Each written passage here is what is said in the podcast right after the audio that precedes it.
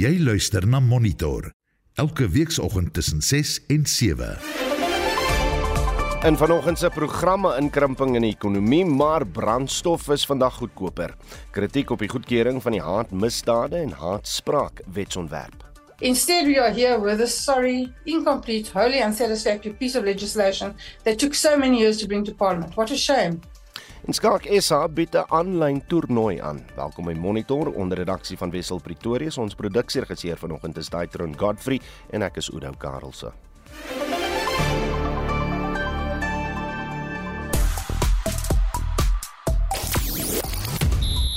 Inskrywings vir die 2024 Comrades Marathon sluit binnekort. Beserings in die mans en vroue kampe voor die naweek se Kaapstad 7 toernooi en slegs 3 punte skei Engeland en Suid-Afrika op die netbalbaan. Ek is Shaun Schuster vir RSG Sport. Ons troeteldiere lê ons na in die hart, maar ons dierekinders is nie altyd welkom by alle vakansiebestemmings nie. As jy so gelukkig is dat jy wel die feesseisoen kan weggaan, wat maak jy met jou diere? Wat maak jy met jou Wessie of jou Etsie of jou Oetsie? Hierdie vakansieperiode. Het jy getroue plek waar jy hulle op hulle eie vakansie kan stuur of kry jy iemand wat hulle versorg of uh, dalk iemand wat by jou huis na hulle kom kyk? Gesal saam stuur 'n SMS na 45889 dit kos jou R1.50 per boodskap. Jy kan ook vir ons 'n uh, stemnota stuur op die WhatsApp nommer 0765366961. Jy luister na Monitor elke weekoggend tussen 6 en 7. Dis byna 10 minute oor 6. Die tabakbedryf het sterk kritiek uitgespreek teen die voorgestelde tabakprodukte en elektroniese stelsels beheer konsepwet. Die bedryf sê onder meer dat die polisie mag wat reeds nie misdaad behoorlik kan beheer nie, se taak nog moeiliker gemaak sal word as hulle mense moet vervolg wat in hulle huise rook. Ook die Gauteng Drankhandelvereniging wat meer as 35000 handelaars verteenwoordig, maak kapsie. Die woordvoerder van die vereniging, Jongi Kaya Kraai, sê dat dit nie in die township ekonomie uitvoerbaar is nie. If the SAPS had the capacity they would have been policing. The illicit trade that is going on right now which is 70% of the trade of cigarettes. And it's not being well policed. And it's not that it's not being well policed because the SAPS do not want to police it. But when you look at the ratio I think we've got around 190 give or take 200,000 policemen and women in South Africa. But we've got over 60 million people living in South Africa Maar die Gauteng Drankhandelvereniging het wel geskrewe besware aan die parlement voorgelê. The most important thing is that the bill seeks to criminalize discerning adults that choose to smoke. We cannot be criminalizing discerning adults that choose to smoke and criminalize law-abiding citizens. Secondly, in the issue of township if you look at the bill, it bans smoking in indoor areas and it also gives you distances. You must not be close to a window, 10 meters from a window. Now, if you look at the township spatial planning, our neighbors are very close to each other. Uh, if you are very quiet, there's no noise in your area. You can basically hear what's going on at your neighbor's house. Wat maak die wet onwerkbaar in townships? If there's smoke coming out of my house, even if I choose to smoke outside and not smoke indoors because of children, but if they smell the smoke, then they can call the police on us. So the issue of 10 meters from windows, we feel is a bit unfair because we don't have huge yards. So where are our people supposed to smoke? Third conversation is that we've already designated 25% smoking areas or floor space for smoking individuals. It doesn't only happen in townships, it also happen in affluent areas, restaurants, they've got smoking areas. Now, if there's a ban in indoor smoking, what is supposed to happen with the 25% floor space that is already designated for smokers? We then, in our submission, ask Parliament to exempt the 25% smoking area for people to, to continue smoking in those areas. Kliënte sal nie kan sien watter produkte hulle wil koop nie. Meaning loose straws loose straws are not supposed to be smoked. And if you are smoking a loose straw, you'll be criminalized. So our customers, all they know is just smoking loose straws and they don't buy in 20s or the entire packet. So now the bill seeks to push them to buying the entire packet, of which the majority of them cannot actually buy the entire packet. That's another issue that we have with the bill, the issue of banning single smoke or selling in its rightful form, the issue of standardization. We also feel that it will also push the illicit trade. Hierbenewens bereik die voorgenome wet ook nie die Wêreldgesondheidsorganisasie se gesondheidsteikens behoorlik nie. On the health part, we feel the bill does not differentiate between combustibles and non-combustibles. And combustibles, as we will know, it's tobacco with nicotine and all the toxins that are within that nicotine. But non-combustibles, we're talking about your snus, we're talking about your vapes. Those non-combustible are less harmful 7,000 less toxins, as some of the scientists allude who were attending these public hearings. So we feel the government must give our people choices because they are discerning adults. You cannot be criminalizing discerning adults on their choice on smoking. However, give them a choice on alternatives. Dit is meer in pas met wat die Wêreldgesondheidsorganisasie beoog: skadevermindering.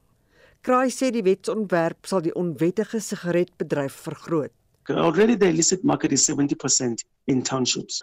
It's already 70%. Now, it will grow the illicit trade because when you now ban display, how will people distinguish from one to the next? When you push for standardization, how will people tell that this packet is the rightful packet? And already, when you are pushing the issue of standardization. Those that are already pushing illicit trade will just trade freely because they will not be hiding theirs. Already they've got a free market, which is 70%. They will not be standardized. Jongi Kaya Kraai is die woordvoerder van die Gauteng Drankhandelvereniging. Mitsi van der Merwe, SAK nuus. Ekonomiese groei het vir die eerste keer van jaar teruggesak. Die bruto binnelandse produksyfers vir die 3de kwartaal toon dat die ekonomie met 0,2% op 'n kwartaallikse grondslag ingekrimp het. Die BBP het in die tweede kwartaal met slegs 0,5% gestyg. Op 'n jaargrondslag het die BBP in die 3de kwartaal met 0,7% ingekrimp. Ons praat nou hieroor met ekonom van Standard Bank, Elna Moelman. Goeiemôre. Goeiemôre. Was die inkrimping 'n swakker vertoning as wat jy verwag het? dit was swakker geweest. Ons het gedink dat BBP net gaan stagneer en toe het ons nou natuurlik hierdie negatiewe syfer gehad. So dit was swakker as wat ons en die mark verwag het. Natalle kenners sê sonder twyfel die terugkeer van fase 6 beerdkrag en die chaos by ons groot hawens is grootendeels hiervoor uh, verantwoordelik. Stem jy saam? Dit is so. Die groot teleurstelling wat ons nie verwag het nie, was die landbousektor wat met amper 10% gekrimp het in in hierdie kwartaal. Maar soos wat jy nou uitwys, beerdkrag was 'n groot probleem geweest en dan natuurlik groot probleme in hawens en met die spoorweë. So as ons dan nou kyk na die goedere kant van die ekonomie, die die sektore wat goedere produseer soos byvoorbeeld mynbou en vervaardiging, wat natuurlik die meeste deur daardie infrastruktuur probleme geraak gaan word, die die meeste direk daardeur beïnvloed word, dan sien ons dat dit eintlik op 'n afdraande pad is. Met ander woorde, hulle is gesamentlik onder hmm. waar hulle was voor die pandemie. Terwyl as ons na die dienste kant van die ekonomie kyk, as ons nou byvoorbeeld dink aan die finansiële sektor ensovoorts, dan sien ons dat dit 'n bietjie hoër is as wat dit was voor die pandemie. So mense sien definitief daardie onderskeid eh, wat dan nou vir ons 'n aanduiding waarskynlik gee van hierdie die impak van hierdie groot infrastruktuurprobleme wat ons tans ervaar. Hierdie 10% inkrimping van die landbousektor, uh, wat was daarvoor verantwoordelik? Ek dink dit is weer eens 'n kombinasie van faktore. Met ander woorde, as ons nou by dink, byvoorbeeld dink in die lewende hawe, dan het ons nou back and closure gehad. Ons het nog steeds voëlgriep wat natuurlik 'n groot probleem is. Maar soos wat ek nou sê, ons ons was verras geweest want ons het geargumenteer dat die graanproduksie nog nog baie sterk was en en sommige van die landbou-ekonome was ook verras geweest. Ehm um, mens moet dan nou ook sê die die sektor self is tipies nogal wisselvallig. So dit is moontlik, jy weet, dat dat van die produksie dalk net 'n bietjie later in die syfers gaan reflekteer um, ensovoorts. So so dalk is dit deel daarvan maar net wisselvalligheid, maar dit was nog 'n verrassing geweest. Be beteken 'n inkrimping noodwendig ook minder indiensneming? Moet ons met ander woorde nou 'n bietjie waaksaam wees oor hoeveel mense hulle werk verloor? Gelukkig is dit nie altyd 'n 1 tot 1 verhouding nie. Hmm. So wat ons in die 3de kwartaal nou gesien het is dat die die ekonomie self 'n bietjie gekrimp het, maar eintlik as ons dan na die indiensname syfers gaan kyk, dan sien ons dat daar 'n bietjie van 'n stygings was. So mense moet dan nou 'n bietjie van 'n langer termyn prentjie ook na kyk en sê dat eintlik het indiensname nog die hele tyd gesloer. So na die pandemie het ons herstel in BBP gehad, maar nie eintlik in die in die arbeidsmark nie. En en dit is eintlik nou net besig om in te haal. So dit beteken daarom nie dadelik dat ons nou negatiewe nuus vir die arbeidsmark het nie, maar dit daardie herstel in terme van 'n diensname is maar baie geleidelik en uh, ons is nou terug waar ons was op ons vorige hoogtepunte hmm. voor die pandemie. Ehm um, so nou raak dit altyd baie moeiliker. Ek het altyd geargumenteer dit is makliker om te kom waar jy reeds was as wat dit is om nuwe kapasiteit ehm um, te skep. So ons is nou op daardie punt wat ons moet sê, jy weet, as ons nie van hierdie groei probleme aanspreek nie, raak dit vir vir maatskappye moeiliker om te motiveer waarom ons nou meer kapitaalinvestering moet doen en, en masjinerie en kapasiteit uitbrei en mense in diens stel. Die risiko van 'n resessie, hoe groot is dit? Dit is ongelukkig groot. So in die 4de kwartaal lyk like die data wat ons tot op hede het eintlik maar maar redelik swakkerig as mens byvoorbeeld dink aan sake vertroue dan beweeg dit eintlik sywaarts. So dit dit gaan waarskynlik maar weer 'n swakkerige kwartaal wees. Mense mense is natuurlik veral bekommerd oor die mees onlangse probleme by die hawens wat wat weer eens 'n groot um, groeibeperking gaan wees. Ja, nee, groot verligting is dat diesel vandag meer as R2 'n liter en petrol 65 sente liter goedkoper is. Watter voordele hou dit in vir ons ekonomie? Dit help baie en as ons nou byvoorbeeld bietjie kyk na volgende jaar se groei, dan dink ons dat inflasie redelik gaan afkom en dit gaan ruimte skep vir die Reserwebank om rentekoerse te verlaag. So dit gesamentlik gaan dan vir ons 'n bietjie verligting gee aan die verbruikerskant van die ekonomie, maar natuurlik is brandstof ook 'n uh, algemene insetkoste. So dit gee dan oor die algemeen 'n bietjie verligting in terme van insetkoste aan die uh, produksiekant van die ekonomie ook. So so definitief baie welkome verligting vir die ekonomie. Alna Molman, as ekonom by Standard Bank. Die nasionale vergadering het tydens 'n maratonsitting van byna 10 uur die wetsontwerp op die voorkoming en bekamping van haatmisdade en haatspraak goedgekeur. Die wetsontwerp is egter deur meeste oppositiepartye gekritiseer. Celine Merrington het vir ons besonderhede. Die nasionale vergadering sal die wetsontwerp op die voorkoming en bestryding van haatsmisdade en haatspraak na die president stuur om te onderteken. Dit was 5 jaar gelede in die parlement ter tafel gelê met die doel om beskerming te bied teen haatmisdaad en haatspraak, in besonder wat gebaseer is op ras, etnisiteit, geslag, seksuele oriëntasie en enige ander vorm van diskriminasie. Die voorsitter van die Justitiekomitee, Bulelani Magonishi, verduidelik The bill therefore seeks to address the frequently occurring conduct of persons, sometimes violent, who are motivated by a clear and defined prejudices. Die wysigingswetsontwerp oor die NVG beoog om die onafhanklike direktoraat 'n permanente entiteit te maak Opposisiepartye meen egter dit doen nie genoeg vir die entiteit se onafhanklikheid of die stryd teen korrupsie nie. DALP Glenis Breitenberg en 'n lid van Good, Brett Heron, sê hulle ondersteun die wetsontwerp maar met ernstige voorbehoude. We should be here establishing a truly independent, separate from the NPA, probably chapter 9 institution that will be able to combat corruption and organized crime and make South Africa safe again for South Africans. Instead, we are here with a sorry, incomplete, wholly unsatisfactory piece of legislation that took so many years to bring to Parliament. What a shame. What a disgrace. We share the concerns that have been expressed in the House regarding the slow progress of prosecutions arising out of corruption that predates even the State Commission of Inquiry into state capture. And we also share the concerns around the slow pace of prosecutions arising out of apartheid era atrocities and for which no amnesty was applied for or granted. Die onafhanklikheid van die onafhanklike polisie ondersoekdirektoraat het ook onder die soeklig gekom.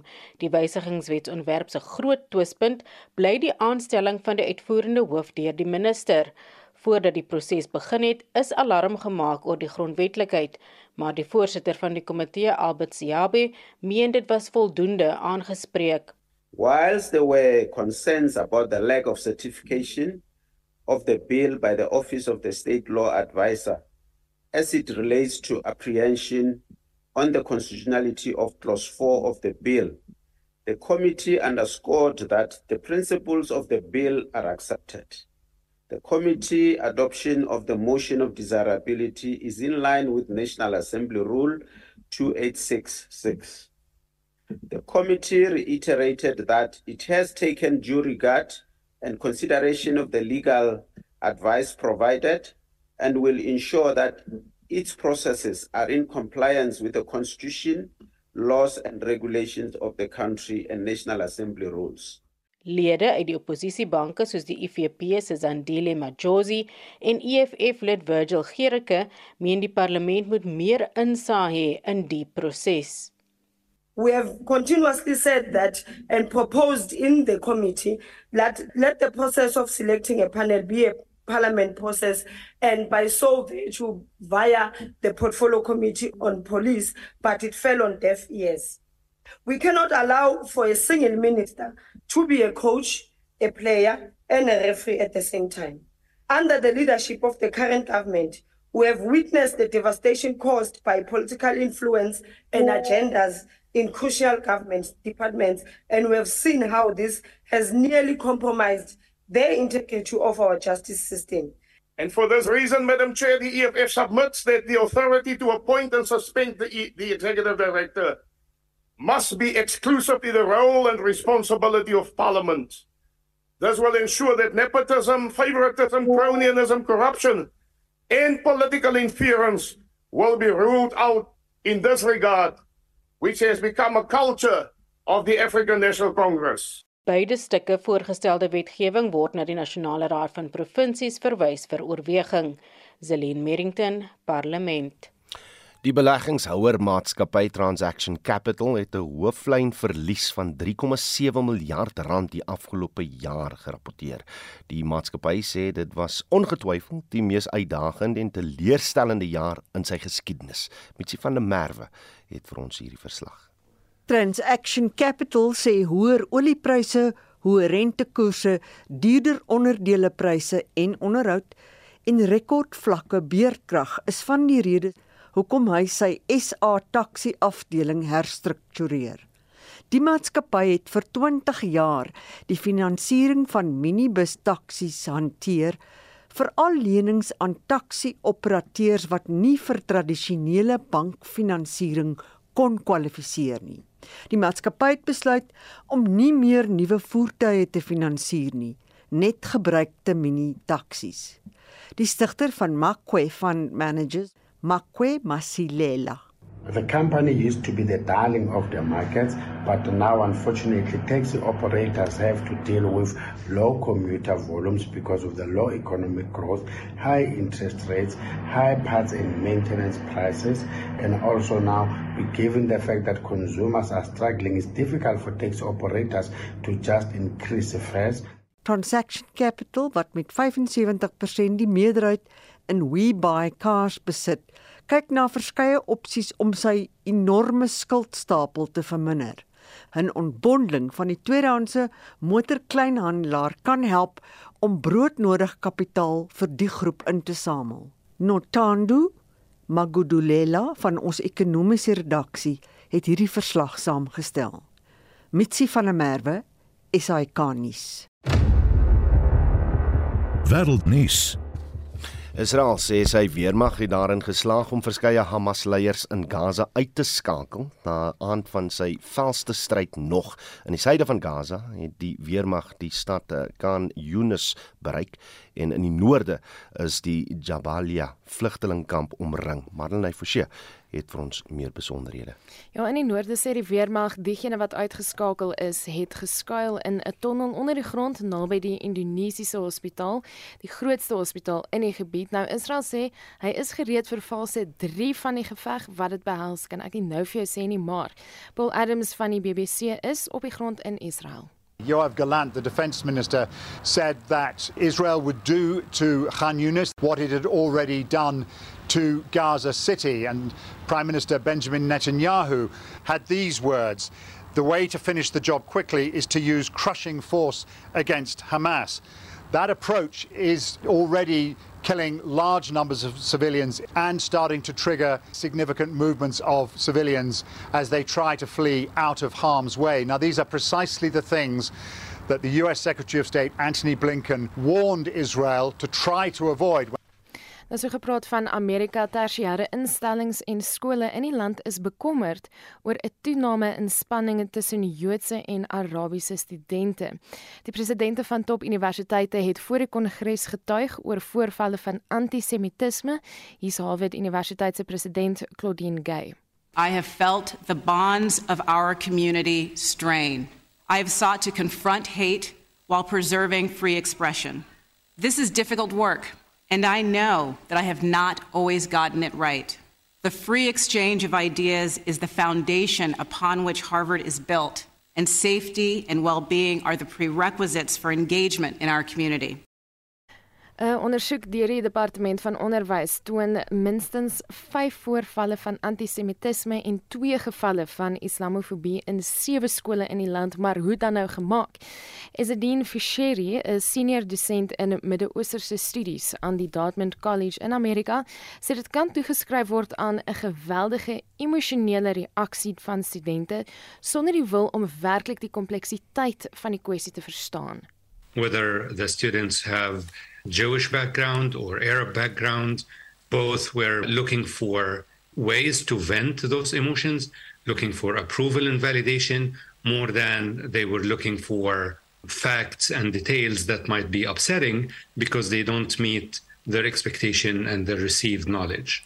The main question then becomes whether we feed into those emotions and give them the validation they're looking for or we seize this moment as a teachable moment and try to while acknowledging those emotions but move them beyond the emotions Daardie raad van 'n senior dosent in 'n Midde-Oosterse studies aan die Dartmouth College, Ezedin Fisheri.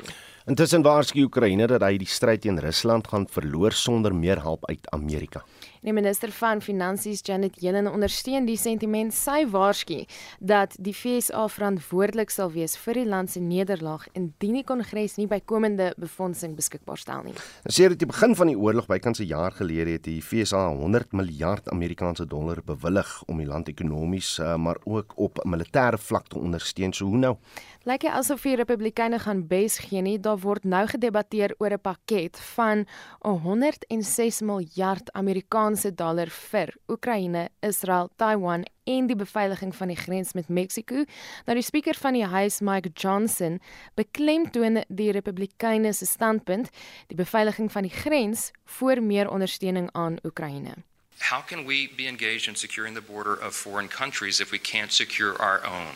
And that is a question the White House has to help us answer. I've told this to the leaders in the Senate, I've told it to the White House, and I'll say it till we're blue in the face. We are committed to that. The battle is for the border.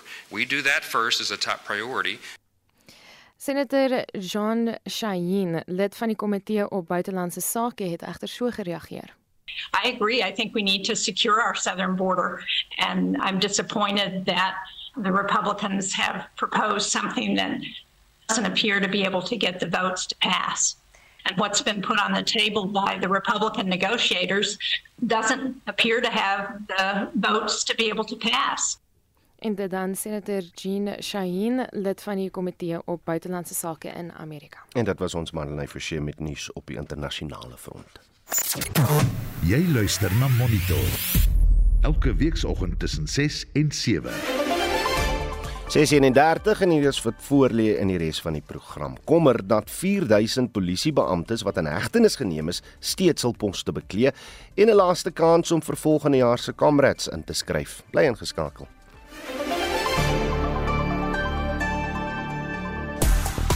Reg, ons vraag vanoggend aan jou is: Hoe maak jy met jou kinder of dierekinders as jy met vakansie gaan? Kom ons luister na van julle stemnotas. Dis Marita van Bitterfontein. Ek dink diere moet saamgaan en uh mense wat beskik oor akkommodasie kan 'n uh, baie meer bietjie ekstra moeite doen om diere ook te akkommodeer.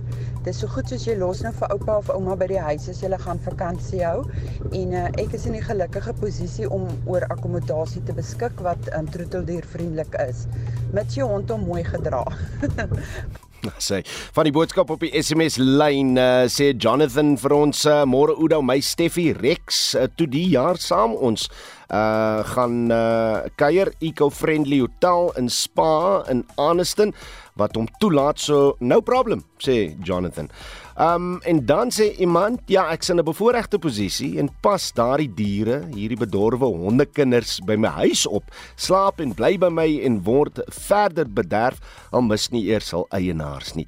Is uh, al bekend sê die dame as die hondetannie hier in Polokwane Dis nou Marie wat sê sy is die een wat diere oppas as mense nou bietjie met vakansie uh, weg is van die huis.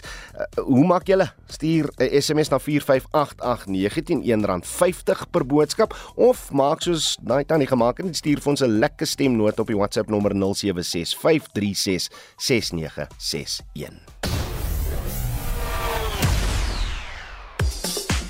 Is dit tyd vir die jongste sportnuus met Shaun Jooste môre Shaun? Goeiemôre Oudo.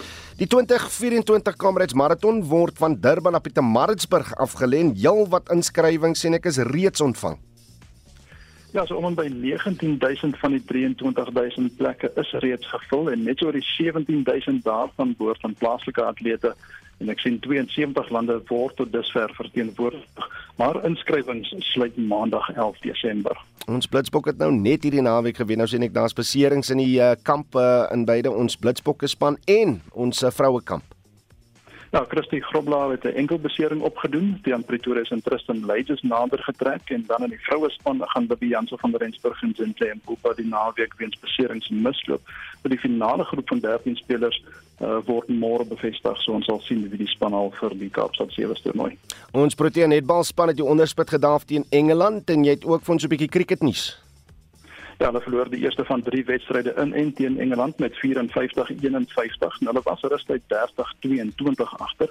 Die tweede wedstryd vind Saterdag plaas en dan op die cricketveld pak die vroue Proteas en Bangladesh mekaar vanaand 6uur op die Kimberley Oval in die tweede wedstryd van hulle T20 reeks met die besoekers wat 1-0 voorloop en na dag 1 van die beslissende nie amptelike vierdag wedstryd staan die Windiese Aspa op 17 vir 1 in antwoord op Suid-Afrika se eerste beurstelling van 274. Kai Zondo het 70 en Neil Brandt 62 vir Suid-Afrika aangeteken. Plaaslike vrou tennisspelers kan weer uitsien na twee groot toernooie op plaaslike bodem hier. Ja, Tennis Suid-Afrika het aangekondig of bevestig eerder dat die Universiteit van Pretoria weer in 2024 gasheer speel vir twee agtereenvolgende ITF vroue 50 toernooie. Nou dit is gelykstaande aan die mans uitdager 50 toernooie. En die wenner stap met 40000 dollar. Dit is so ongeveer 750000 rand weg. En dan sluit jy af met bietjie sokker en hokkie nuus.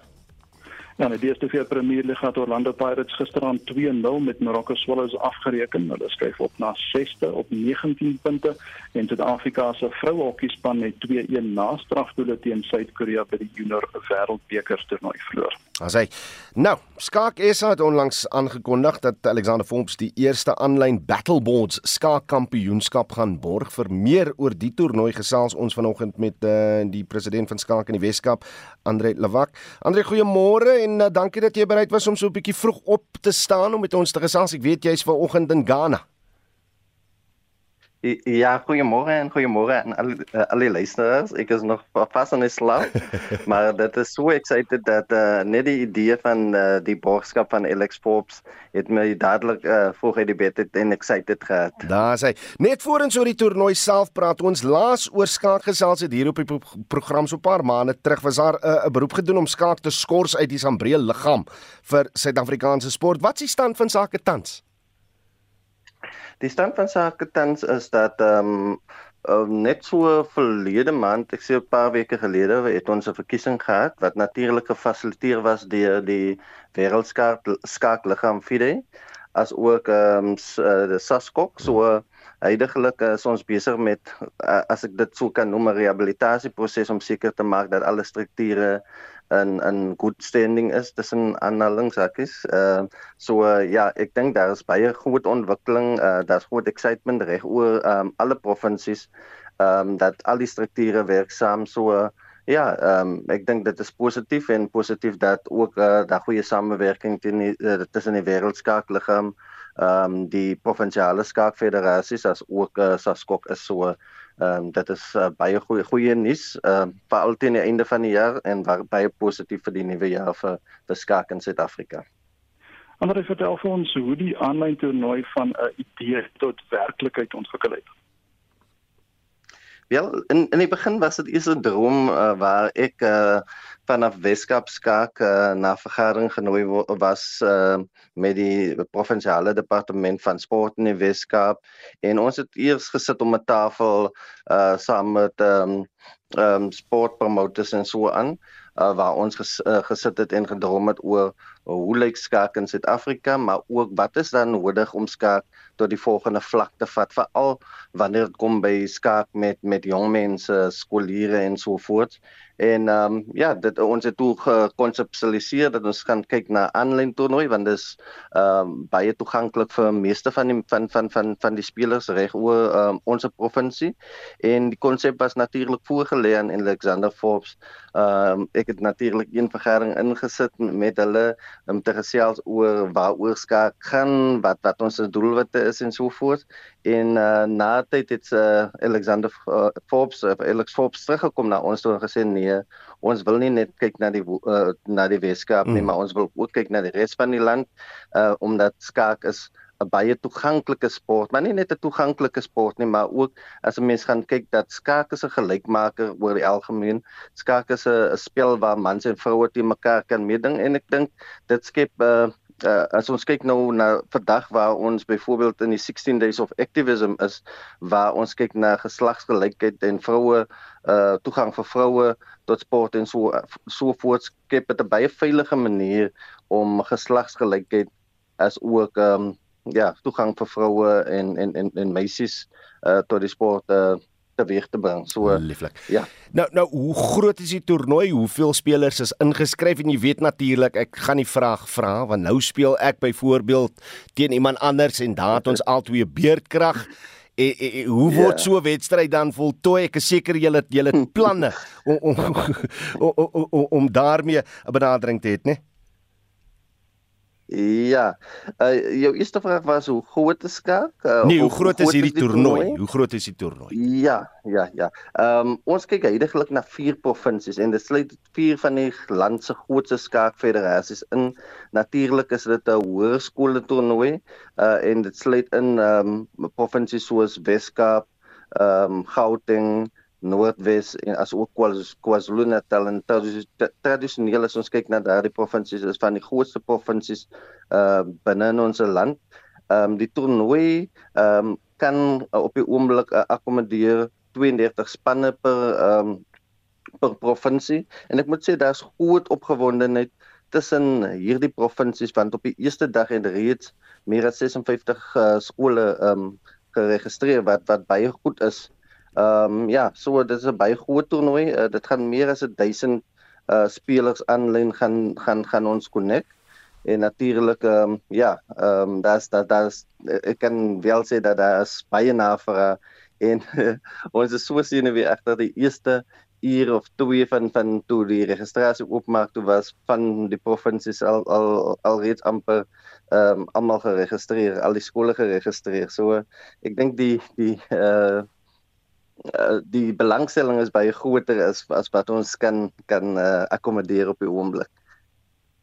Ja, en ehm um, as ons kyk na load shedding, ek dink wat wat baie goed is is dat ons het 'n sterk vennootskap met die skole omdat die skaakfederasies is ook ehm um, die skole ehm uh, sportverenigings of skaakverenigings is ook geaffilieer met die provinsiale uh, skaakverenigings en ons werk natuurlik baie nou saam die die die die speel gaan plaasvind by skole die meeste van die of uh, kan ek sê al die skole het generators uh, wat ons ook doen met die aanskrywing vra ons ook wat die nood van van die skole is en natuurlik sal ons ook met van die skole sal ons ook met um, data uh, uh, voorsien. Asai, president van Skaak in die Weskaap, Andre Lawak. Monitor jou oggendnuusprogram op RSG. Die minister van Polisie Bekkie Cele sê hy kan nie verduidelik hoekom die 4000 polisiebeamptes wat vir verskeie misdade in hegtenis geneem is, steeds hul poste beklee nie. Ons praat nou met die onafhanklike misdaad ontleder Dr. Johan Burger. Johan, goeiemôre. Goeiemôre Oudo. Johannes, as ek die hoofuitvoerende beampte is van 'n private maatskappy waar 4000 mense in hegtenis geneem is, maar nog steeds by die werk is en ek sê vir my raad, ek het nie geweet nie, dan versuim ek mos in my pligte.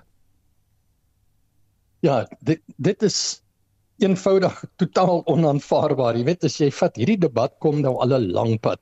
Uh onder andere is dit uh in die parlement in 2021 reeds in die portefeulje komitee was daar 'n uh, 'n taamlike uh, intensiewe 'n ontleding van die situasie en daar was ehm uh, beloftes gemaak deur die kommissaris van polisie destyds se Tolle dat hulle weer sal gaan kyk na die dissiplinêre kode van die van die uh, polisie maar uh, sedert daardie tyd het die situasie net nog verder versleg. So ehm um, jy weet die die die uh dissiplinêre regulasies word deur die minister mm. uh se kantoor uitgegee. So dit is totaal al onaanvaarbaar dat hy nou uh, uh jy weet kom sê dat hy nie eintlik ehm uh, weet van hierdie probleme nou ernstig dit is nie. Nou hierdie 4000 beamptes is hulle nog steeds in hulle poste maar hulle hulle werk op 'n skorsing waar hulle nog wag vir die die die, die uitslag van 'n ondersoek of of of is hulle maar net terug by die werk?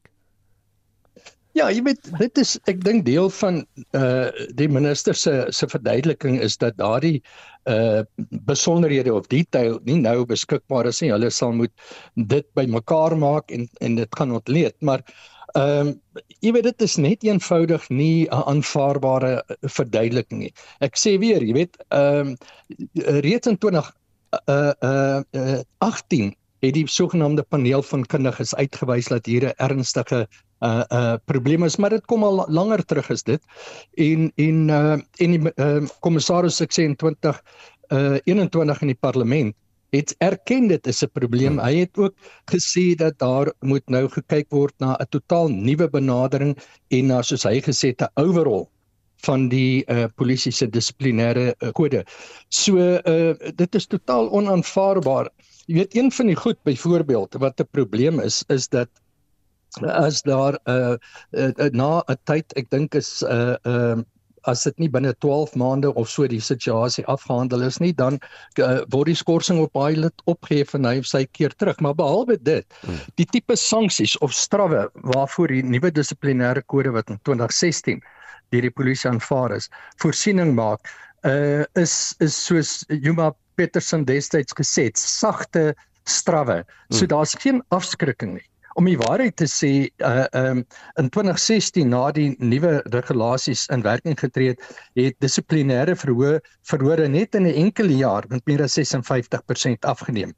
En en oor die hele tydperk sedert uh, weer die afgelope dekade het dit afgeneem met uh uh dis nou dissiplinêre met meer as 67% maar dieselfde tydperk het uh siviele eise toegeneem met meer as 511%. So daar's weet die, die twee goed loop in die verkeerde rigting hmm. terwyl dissiplinêre verhore eintlik behoort toe te neem uh uh, uh weet in in siviele eise af te neem van die omgekeerde proses plaas. So daar's daar's eislike probleme wat die uh nie net die dissiplinêre kode aanbetref nie, maar ook die toepassing daarvan in die polisie. Reg. So ons weet nog bitter min van die van die prosesse, maar weet ons om ten minste uh, wat se misdade ons hiervan praat. Ja, wel, jy weet die minister het self in sy antwoord in die parlement uh uh hulle gelys en ek meen is al die ernstige goed waaraan jy kan dink, moord, verkrachting, poging tot moord, uh ontvoering, korrupsie. Ehm uh, jy weet dis 'n is 'n al die al die selfs goed soos huisbraak en en ehm uh, daardie tipe van van misdade 'n uh, 'n uh, uh, ernstige aanranding. Ons weet byvoorbeeld ook dat uh, ehm uh, onwettige arrestasies een van die grootste redes is uh, van van uh, uh, vir die uh, uh, siviele eise wat teen die polisie ingestel word. So uh, ons praat hier van al die ernstige misdade waaraan waaraan jy kan dink en minister luister in sy hmm. antwoord in die in die parlement. En dit is hoekom dit totaal en al verstommend is dat hy nou half sy uh, berig op hierdie goed al volkeer. Ek bly weet nou daarvan. Wat is jou verwagting van wat hy nou moet doen? Wel, hier's 'n paar goed wat nou gedoen moet word. In die eerste plek sal hulle nou ernstig moet kyk na hierdie regulasies. En die minister is verantwoordelik vir hierdie regulasies. Hierdie regulasies werk nie. Dit skep net 'n uh, uh geleenthede uh vir vir misbruik en manipulasie en en en dis geen afskrikking nie. In die tweede plek sal hulle moet kyk na die die tipe manier waarop hierdie verhore uh uh uh plaasvind. Hulle sal byvoorbeeld moet gaan kyk na toegewyde uh uh span mense wat verantwoordelik is. Jy kan nie sommer net lukraak offisiere aanstel om om om hierdie tipe verhore uh, uh, te hou nie. Uh, mense is nie kundig genoeg nie, hulle is nie opgelei genoeg nie en en uh, in die proses is daar nog boonop hierdie manipulasie ook. So die hele dissiplinêre kode en die wyse waarop hierdie goed toegepas word, moet nou indringend na gekyk word. Dit was Dr. Johan Burger, 'n onafhanklike misdaadontleder. Die DA sê hy sal die howe nader om president Cyril Ramaphosa te dwing om die prestasiebeoordelings van kabinetsministers bekend te maak. Die president het prestasieooreenkomste met ministers in 2020 onderteken. Verlede week het die presidensiële woordvoerder Vincent Magwenya gesê die president is onder geen verpligting om die prestasiebeoordelings vir die openbaar bekend te maak nie. Steenhuisen het in Kaapstad met hul beoordeling van beide die parlement en die uitvoerende gesag in die 6de demokratiese parlement aan die media gesê gesê die party sal met geen ander keuse gelaat word as om te litigeer indien die president nie die inligting vrylik gaan deel nie. Want sin Mofokeng doen verslag. Volgens die DA se assessering het die 6de parlement in algemeen nie goed in 2023 gevaar nie. Steenhuisen beklemtoon onder meer dat die parlement versuim het om die aanbevelings van die Zondo-kommissie te implementeer. Steenhuisen sê indien die prestasieooreenkomste nie deur die president bekend gemaak word nie, sal hulle die litigasieroete volg. Court action to obtain this. South Africans deserve to know the truth about what our president really thinks of his ministers and, after all of their dismal failures throughout the years, why he retains him in the cabinet. Die DA het ook die parlement daarvan beskuldig dat hy in sy rol versuim om die uitvoerende gesag tot verantwoording te roep. And it is clearly set out in section 92.1 of the Constitution, and I quote, the Deputy President and Ministers are responsible for the powers and functions of the executive assigned to them by the President. But it goes on in section 2 to indicate that members of the Cabinet are accountable collectively and individually to Parliament for the exercise of their powers and the performance of their functions. Steenhuisen sê hulle beoog om aansoeke deur die wet op die bevordering van toegang tot inligting teen alle kabinetsministers in te dien om hulle te dwing om hul prestasieooreenkomste bekend te maak. It is fundamentally in the interest of transparency and accountability as demanded by our constitution that parliament and the people know how the government and how the various ministers have performed. Die DA word ook van politiekery beskuldig om voor volgende jaar se algemene verkiesing steun in te win.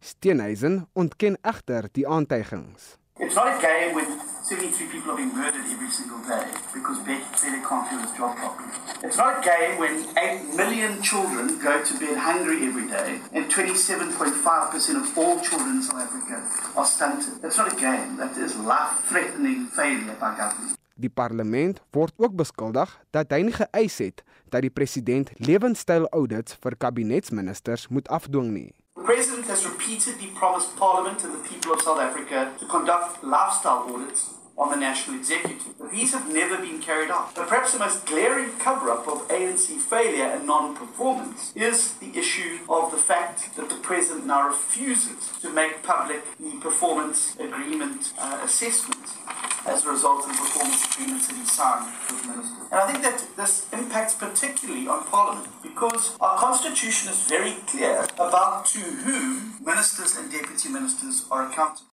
Dit was die DA-leier, John Steenhuisen, wat daardie verslag van Abongwe Kobokana vanuit die parlement geëindig het. Ek is Vincent Mufokeng. Ons kyk nou 'n bietjie verder na die DA se verslag oor die uh, regering se prestasie. Ons praat nou met professor Andrei Dievenage, politieke ontleder verbonde aan die Universiteit van Noordwes. Andrei, goeiemôre. Môre Udo. Die DA het veral klem gelê op korrupsie en irrasionele ongrondwetlike besluite tydens die inperking. Is is dit geldige kritiek of of ou water onder die brug?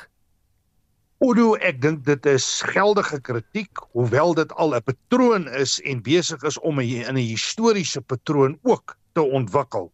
Maar ek dink die bewyse wat John Steenhuisen en die DA gee, staan baie sterk. Sake soos dat die parlement geïmpliseer word in meedoening in terme van korrupsie deur eintlik ANC-lede te beskerm in 'n parlementêre konteks, die feit dat die oorsigfunksie nie behoorlik hanteer word nie, die feit dat die uitvoerende gesag goed soos die rampbestuur wetgewing misbruik om parlementêre oorsig te ontduik, gebrekkige aanspreeklikheid en verantwoordelikheid. Mens dink hier aan goed soos Pala Pala, jy het verwys na die verslae oor die prestasie van ministers wat nie in die openbaar gebring word nie, die ontwykende gedrag van Cyril Ramaphosa, die wyse hoe die OB aangestel is, die Lady R insident, die kwessie dat lewenstyl audits nie gedoen is nie, al hierdie sake beklemtoon hierdie punt en ek dink 'n mens kan sê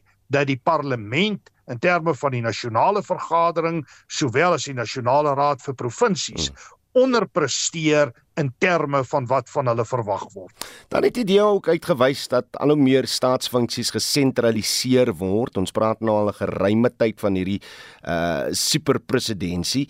Ehm um, maar dit kom ook op 'n tydstip Andre vir selfs die regering sê hulle het die die ondersteuning van die privaat sektor bitter nodig.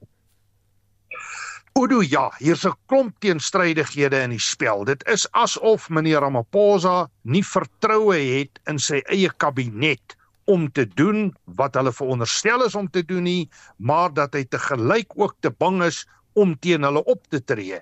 En nou in terme van krisisbestuur word daar aanstellings gemaak in die presidentskap. Ons dink byvoorbeeld aan die minister van elektrisiteit, terwyl daar ten minste twee ministers in die kabinet is met verbandhoudende portefeuilles.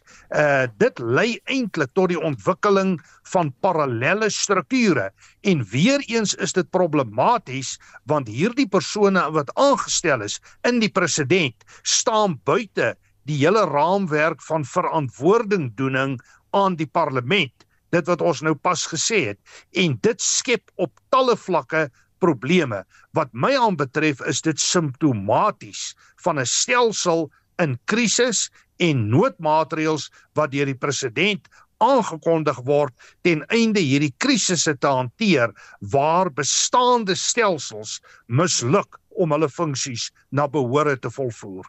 So dit 2 minute oor vir ons uh, ons sins moet sê, maar kom ons praat net vinnig oor die DA en die veelparty uh uh koalisie. Kom ons en ek wil spesifiek kyk na die anti-apartheidsaktivis en deesdae suksesvolle sakeman Rajat Jardine. Nou die veelparty aanfees ontken dat hy hul presidentskandidaat is, tog vind daar agter die skerms uh, skerm samesprekings plaas. Die die figuur Rajat Jardine. Praat bietjie oor hom. Wel, uh Udo, hy is 'n uh, hy het 'n redelike indrukwekkende CV. Hy was die jongste direkteur-generaal in 'n staatsdepartement vir kuns, kultuur, wetenskap en tegnologie. Hy het 'n besondere bydrae in daardie departement gedoen ten opsigte van talle inisiatiewe. Hy was ook die voorsitter van First Rand gewees. In daai sin is hy 'n belangrike gesaghebende figuur en ons weet dat oppositiepartye wat nou in koalisie gaan, soek 'n gesig om hierdie inisiatief te dryf. Maar nou moet ons sê gegeewe uh die aard van ons kiesstelsel gegeewe die feit dat partye hulle eers in 'n komende verkiesing moet bewys en daaruit moet strukture tot stand kom is dit op die oomblik baie prematuur en ek dink nie op die oomblik gaan daardie inisiatief te ver kom nie. Dit gaan interessant wees om te sien waar meneer Roger Jardine homself gaan bevind polities, want as hy 'n rol wil speel, moet hy iewerster in die verteenwoordigende instellings geakkommodeer word en watter ooreenkoms daar gesluit gaan word sal interessant wees maar ek dink op die oomblik is dit prematuur maar dis ook vir my duidelik dat geen leier van 'n bestaande politieke party op die oomblik ideaal is om daardie rol te vervul nie. En dit was professor Andre Dievenage, politieke ontleder verbonde aan die Noordwes Universiteit. Reg as jy 'n pad vat oor die feesseisoen, hoe maak jy met julle troeteldiere? Op die SMS lyn sê 'n paar van julle soos volgens Joy Wilkins in Rodepoort sê was vir 10 jaar nie op vakansie as gevolg van my Lord Maximilian Bittermin. Uh mense pas my kind op soos ek kan. So vir 10 jaar het Joy Wilkins maar net by die huis gebly. Want Lord Maximilian, hy hy, hy word na gekyk. En daar's 'n paar voorbeelde van uh 'n maatskappy met die naam van Pause Sitting wat nou mense so reg oor die land gehelp het. Dankie daarvoor. Miskien net, net so 'n bietjie raad vir mense wat wel met vakansie gaan. Laat weet wat julle storie is. 45889 kos u R1.50 per boodskap of stuur 'n WhatsApp na 0765366961. Hoe maak julle met julle troeteldiere oor die feesseisoen? Ons groet namens ons uitvoerende regisseur Nicoline Lou, ons redakteur vanoggend Wessel Pretorius, ons produksieregisseur Daitron Godfrey en ek is Udo Karlse. Op 'n wakker is volgende. Totsiens.